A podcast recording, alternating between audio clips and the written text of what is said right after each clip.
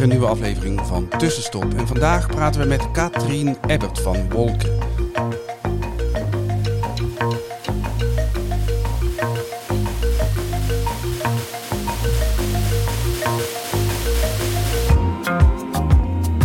Dag Katrien. Hoi, goedemorgen. We proberen het voor de tweede keer. Ja. Nu eh, eh, in jouw studio in Mhm. Wageningen. En heel dicht bij de plek waar ik jou ook ooit ontmoette. Ja, heel het schoolplein. ja. bijna op het schoolplein. Ja, we kijken daar naar uit. Hè? Dat is toen ik leerde dat jij eh, bassist bent en muzikant. Mhm. Wanneer wist jij dat je dat was? Ehm, nou, ik denk achteraf gezien altijd al. Ik heb echt letterlijk als eh, klein kindje heb ik ehm, elastiekjes op de ladekastes gespannen. En toen ging ik de kastes opentrekken, de, de vakjes, en ging aan de elastiekjes plukken, zodat ik zo'n soort eh, basgeluid had, als van een snaar.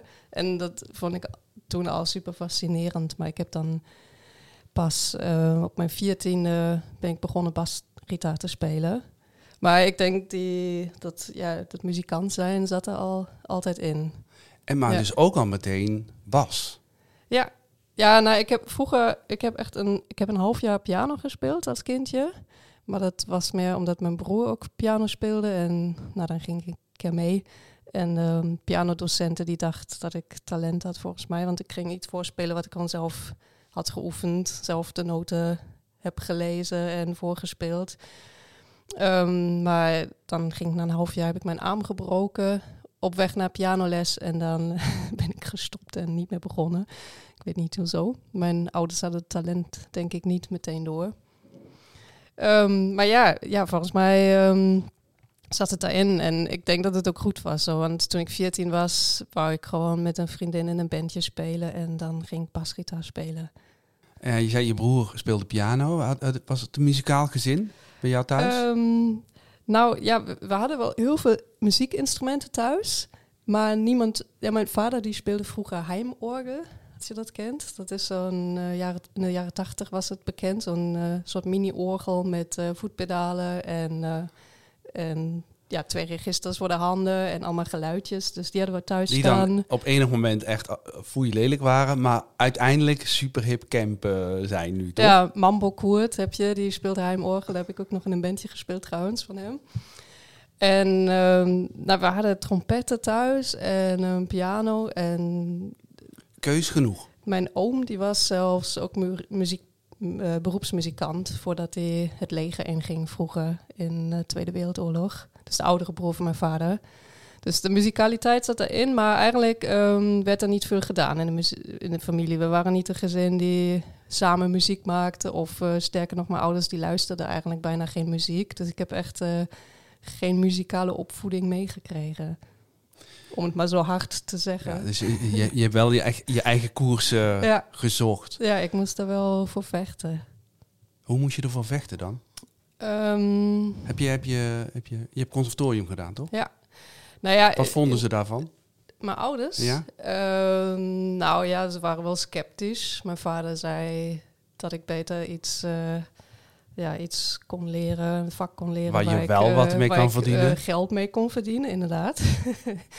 Ehm, nou ja, en ik bedoel, op de andere kant hebben mijn ouders me altijd gesteund. Ze hebben me altijd eh, eh, dingen betaald voor mij, dat ik dat wel kon doen. Dat ik muzieklessen kon nemen en instrument kon kopen en wel naar Nederland kon gaan om te studeren. Maar ehm, behalve dat materiële heb ik niet zo heel veel support ervaren.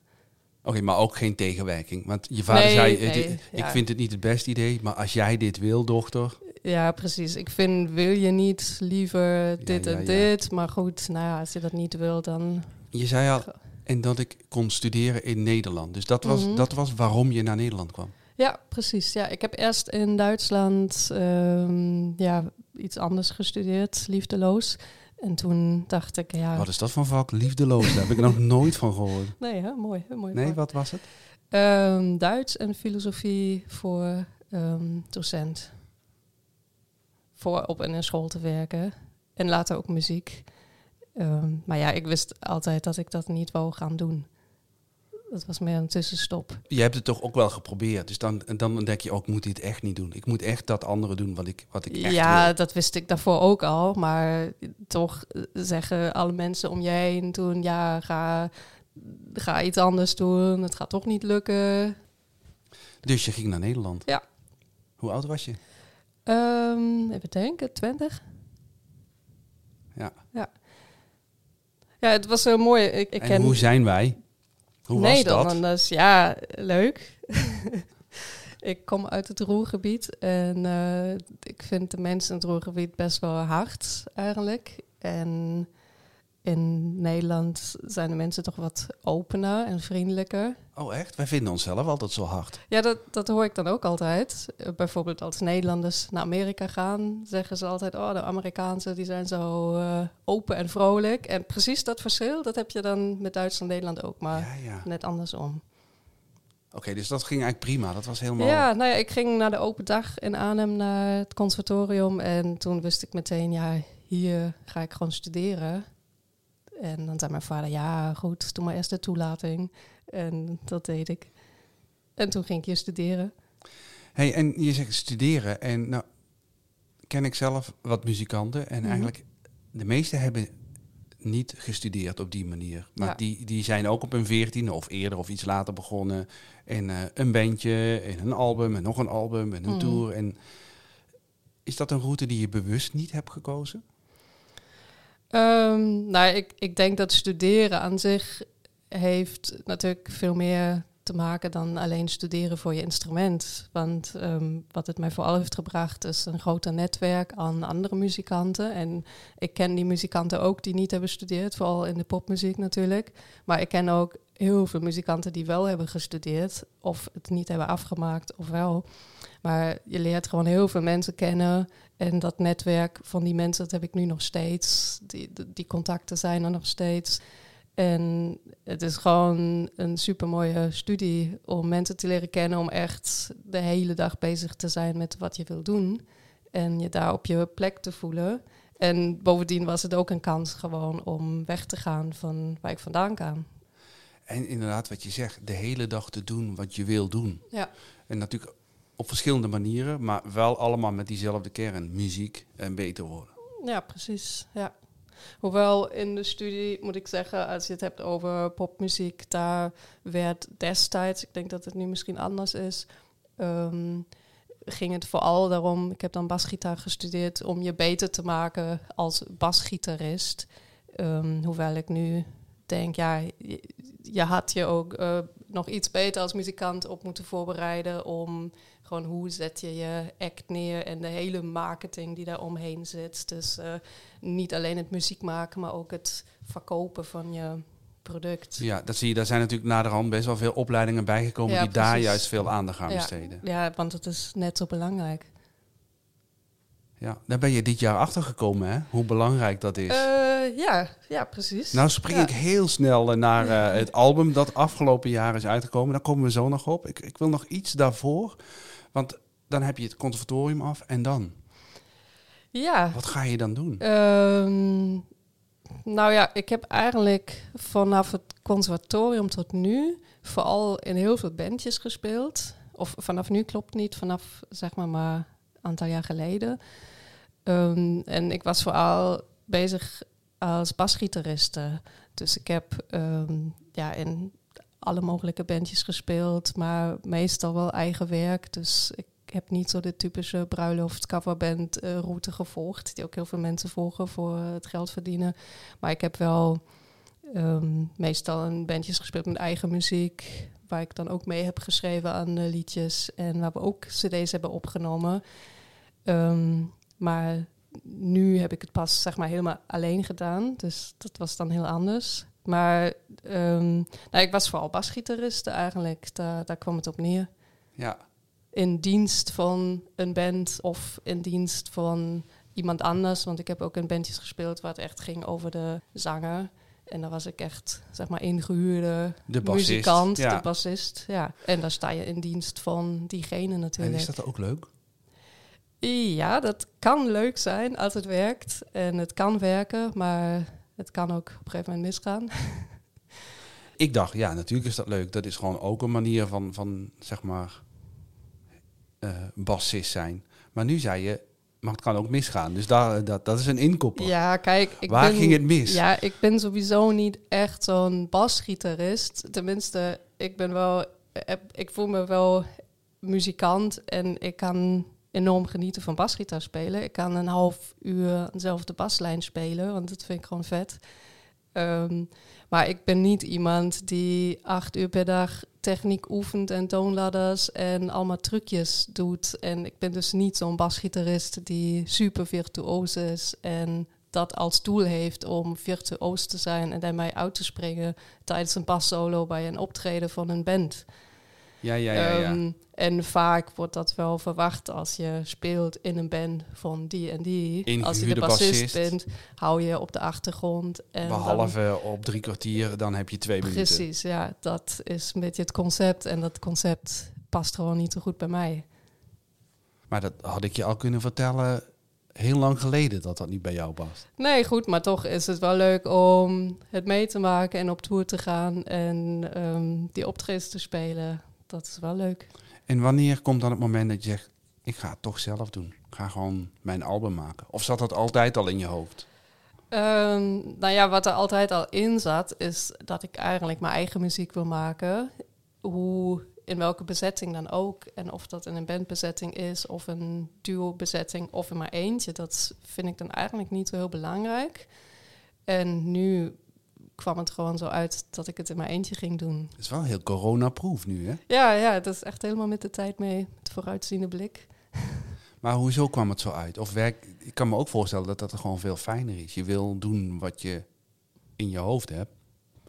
Ja, en als nou je ja, dat dan zelf kan doen, waarom zou je dan anderen vragen? Nou ja, als je met, met elkaar speelt, dan heb je natuurlijk ook een energie die je kan hebben waar je elkaar pusht en waar je elkaar aanvult en nog beter wordt met elkaar dan dat je in je eentje bent. Maar ehm, het begon bij mij toen de kinderen klein waren.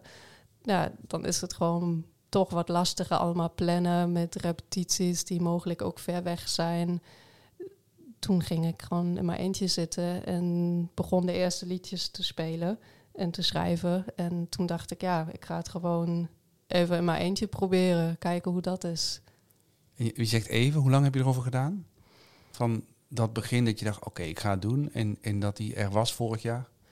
Ehm, nou ja, dat was wel een proces van meerdere jaren, omdat het eerste optreden, dat begon eigenlijk eh, met een bruiloft waar ik een liedje voor het bruidspaar ging spelen in mijn eentje. Ehm, wat eigenlijk ook eerst niet de bedoeling was, maar toen is de zanger afgevallen. En toen dacht ik, ja, dan ga ik het gewoon zelf doen. Ga ik gewoon zelf zingen. Kijken hoe dat is. Ehm, en toen heb ik het een beetje daarnaast gedaan, naast de bands die ik toen nog had. En ik denk dat ik eigenlijk 2019 in de zomer heb ik echt het besluit genomen. Ik kap nu met alle bands die ik heb. En ik ga me alleen richten op dit. Dus ehm, 2019. ja, En dan ga je kaart aan de bak en dan maak je een mooi album. Ja. En dan valt alles stil. ja, ja, dat is wel balen natuurlijk. Ik moet wel zeggen dat ik afgelopen zomer... Ja, had ik nog een paar optredens die ik waarschijnlijk als band niet zou hebben gehad. Omdat ik juist in mijn eentje ben. En dat die ik voor dit jaar ook nog voor me. Als er dingen gebeuren zijn, die kleine optredens zijn natuurlijk de eerste optredens die weer gaan plaatsvinden.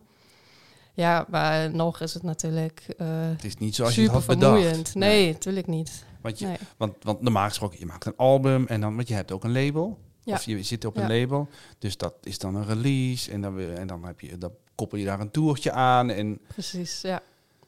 want je kan ook niet wachten, toch? Door hoe lang kan je een plaat vasthouden? Nou ja, je kan wachten, maar ik wou het voor mezelf ook afsluiten. Want ik wou ook weer verder met eh, wat je zegt eigenlijk. ehm, ik was al een aantal jaren bezig met het project, niet zo heel serieus. Maar dan zijn er toch al de helft van de liedjes van het album, die zijn al geschreven. De andere helft kwam er daarna een beetje bij. Maar op een gegeven moment wil je die periode ook weer achter je laten. Dan wil je nieuwe liedjes schrijven en met nieuwe liedjes verder. Maar dan moet je eerst dat afsluiten. Uit je en, systeem. eh, ja, precis, zodat je weer verder kan. En dat kon voor mijn gevoel dan ook niet wachten. Ja. Plus dat het natuurlijk zo'n albumopname en uitbrengen heeft een hele lange voorloop. En ik had dan ook in maart niet verwacht dat we in november nog steeds eh, binnen zouden zitten. Nee, dan heb je nog de Nee. hoop, zeg je nou oké. Ja, precies. En hoe is het nu gegaan, ondanks eh, corona? Hoe zijn de reacties? Ehm, nou ja, die reacties zijn eh, voornamelijk goed. Niet allemaal natuurlijk. Dat hoort er gewoon bij. Eh, Of ja, ik heb geen echte slechte reacties gehad. Maar ja, ik heb enthousiaste reacties gehad. En, Wat gek is, je hebt dan zeg maar wat, re- je hebt wat recensies, maar dat is Ja. het dan ook, hè? Ja, ja, precies. Ik heb wat recensies en ik heb ehm, natuurlijk een aantal mensen ja, echt gesproken die echt het album hebben geluisterd. Dus dat is heel leuk. En ehm, normaal zijn dat veel meer mensen natuurlijk. Want normaal heb je dan je release show en dan kun je ook met die mensen die meegewerkt hebben, kun je het natuurlijk vieren. Dan heb je je optreden en iedereen komt en dan verkoop je het album en je hebt echt ter plekke de ontlading van al het werk. En dat was nu niet zo. Ga, je, Dus ga je het nog doen als het straks Ja. mag? dat ga ik nog wel doen. En is dat dan Ja. In Wageningen of in Nederland? Of, Ehm, nou ja, want je hebt de Duitse ik heb geen idee. Je, zit nog- je hinkt nog steeds op twee benen. Ja, nou, ik had de release show gepland en in Duitsland en in Nederland. En in Nederland waren dat ondertussen ook verschillende locaties. Het zou eerst in Luxor zijn in Arnhem. En toen Luxor dicht was, zou het in Café Bosch zijn in Arnhem. Ehm, ja, die is ook dicht natuurlijk. Dus ik weet niet waar ik beland. Dus ja, Afwachten. in de tuin bij iemand misschien. We lachen, maar het is natuurlijk echt... Het is geen Ik concert. word er echt heel verdrietig van. Ja, ja, Nog even, jongens. Nog, eh, nog een jaartje. ik heb geen idee. Ik heb ook geen idee. Ja, hey, eh, dat album is er. Ik vind het echt mooi. dankjewel. Ehm, ben je al een dromen, zeg maar, post-corona? Is, is wolken nu jouw identiteit? En, en, en ga je daar de komende jaren voor? Of moest dit album eruit en ga je nu weer terug naar ehm, lesgeven, wat je veel doet? Ehm, Nou ik geef sowieso les, want ik moet ook gewoon geld verdienen. Maar eh, het is ook meer dan dat, want het klinkt ook gewoon te negatief. Want zo is het niet. Ik merk dat dat lesgeven een enorme meerwaarde heeft voor mijn leerlingen. Want die komen echt heel blij naar me toe. En juist in deze tijden zijn ze echt heel blij dat ze eh, iets kunnen leren, maar ook die contact hebben.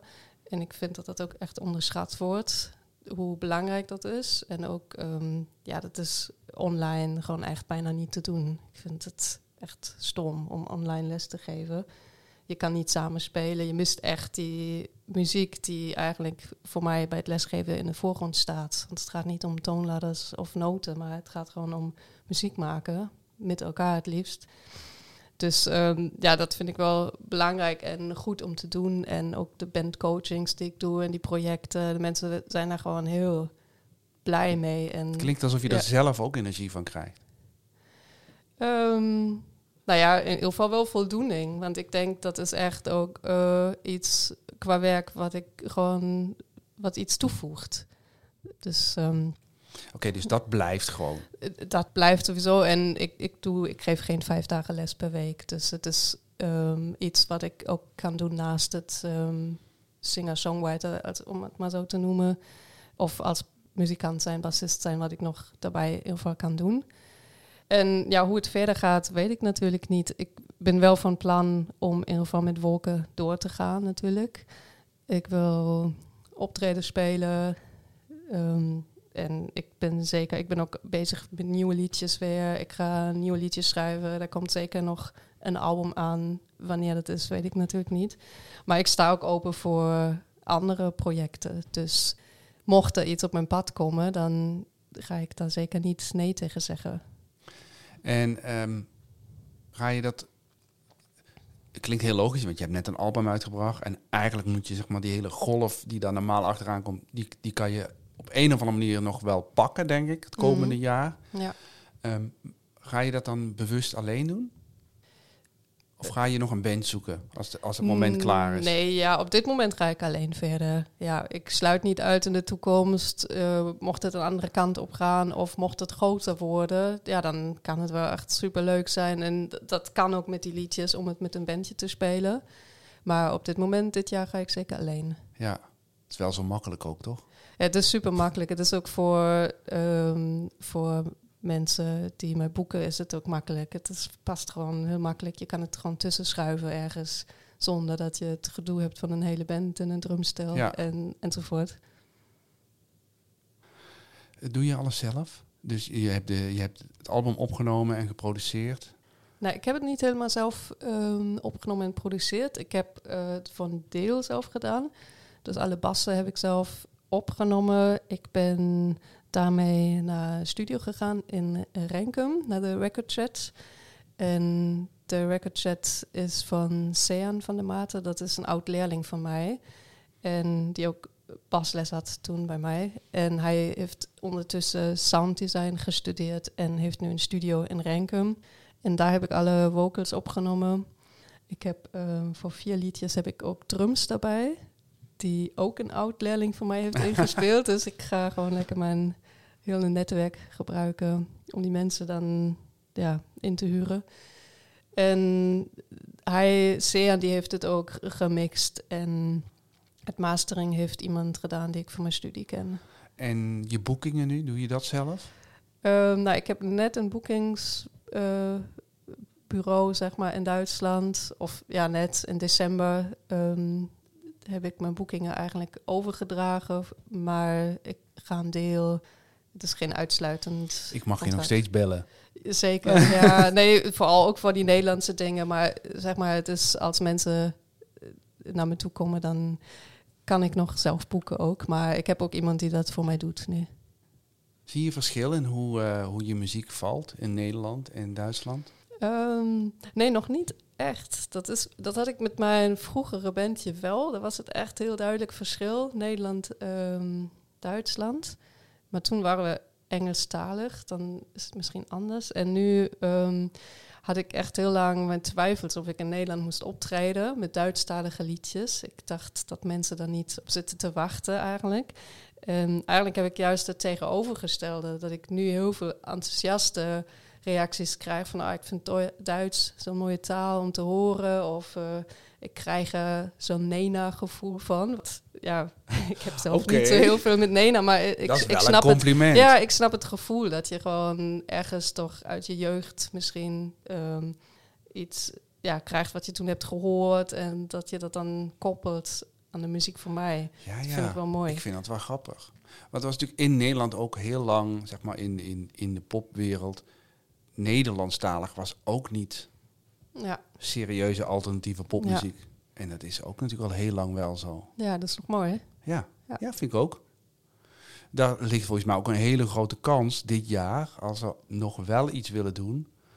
En persoonlijk lijkt me dat echt super tof. Weet je, tuurlijk al die bands uit, eh, uit, uit de rest van de wereld zien op Lowlands is tof. Ja. Maar al die toffe Nederlandse bands en Duitse Mhm. en Belgische, die bands die dichtbij zijn en die gewoon ook echt heel goed zijn. Ja. Laat die maar allemaal op het grote podium staan. ja, dat lijkt me vet, Ja. tuurlijk. Ja. Oké, laten we dit jaar gewoon skippen. Laten we dromen ehm, richting twee of drie jaar. Mhm. Waar ben jij dan? Nou, ik hoop dat ik vooral dingen kan doen waar ik blij van word. En ik weet het niet. Ik heb echt geen idee. Ik, ik, ik ben ook niet iemand die, die echt eh, zich vastlegt op één bepaald doel.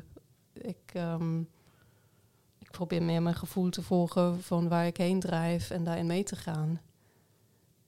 En als je zoals Otto Tausk, is een dirigent, die woont in Wageningen en die, eh, eh, die heeft ook een dirigentschap in Canada. Ja. En dan, hij was laatst bij Podium Witteman. En dan is hij zes weken weg. Mhm. Kan je je zoiets voorstellen? Ehm, Niet te dirigeren, maar zo ja, lang ja, weg ja, zijn. Ik snap het.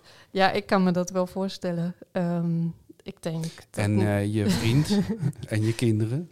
Nou, ik denk zoiets moet je gewoon met elkaar gewoon besluiten. Is het eenmalig? Is het voor het hele jaar door? Zes weken weg, twee weken thuis? Dat is natuurlijk iets heel anders. Ehm, als ik, maar in principe voel ik me gewoon heel erg gesteund door mijn man en mijn kinderen. Dus mocht er gewoon echt een kans zijn die voor mij heel belangrijk is, dan... Heb je het erover? Hm? Dan heb je het erover. Nou ja, dan zouden zij dat gewoon steunen, maar dan moet je gewoon kijken hoe, in welke vorm je dat kan gieten. Oké, dus, dus het zou kunnen, maar is het iets waar je van droomt? Ja, tuurlijk. Ik zou wel graag eh, de grote podia's op willen. Dat is wel mijn droom. Ja. Oké, ik droom met je mee. Dankjewel en heel veel succes het komend Ja, jaar en alle jaren daarna. Dank je voor de uitnodiging.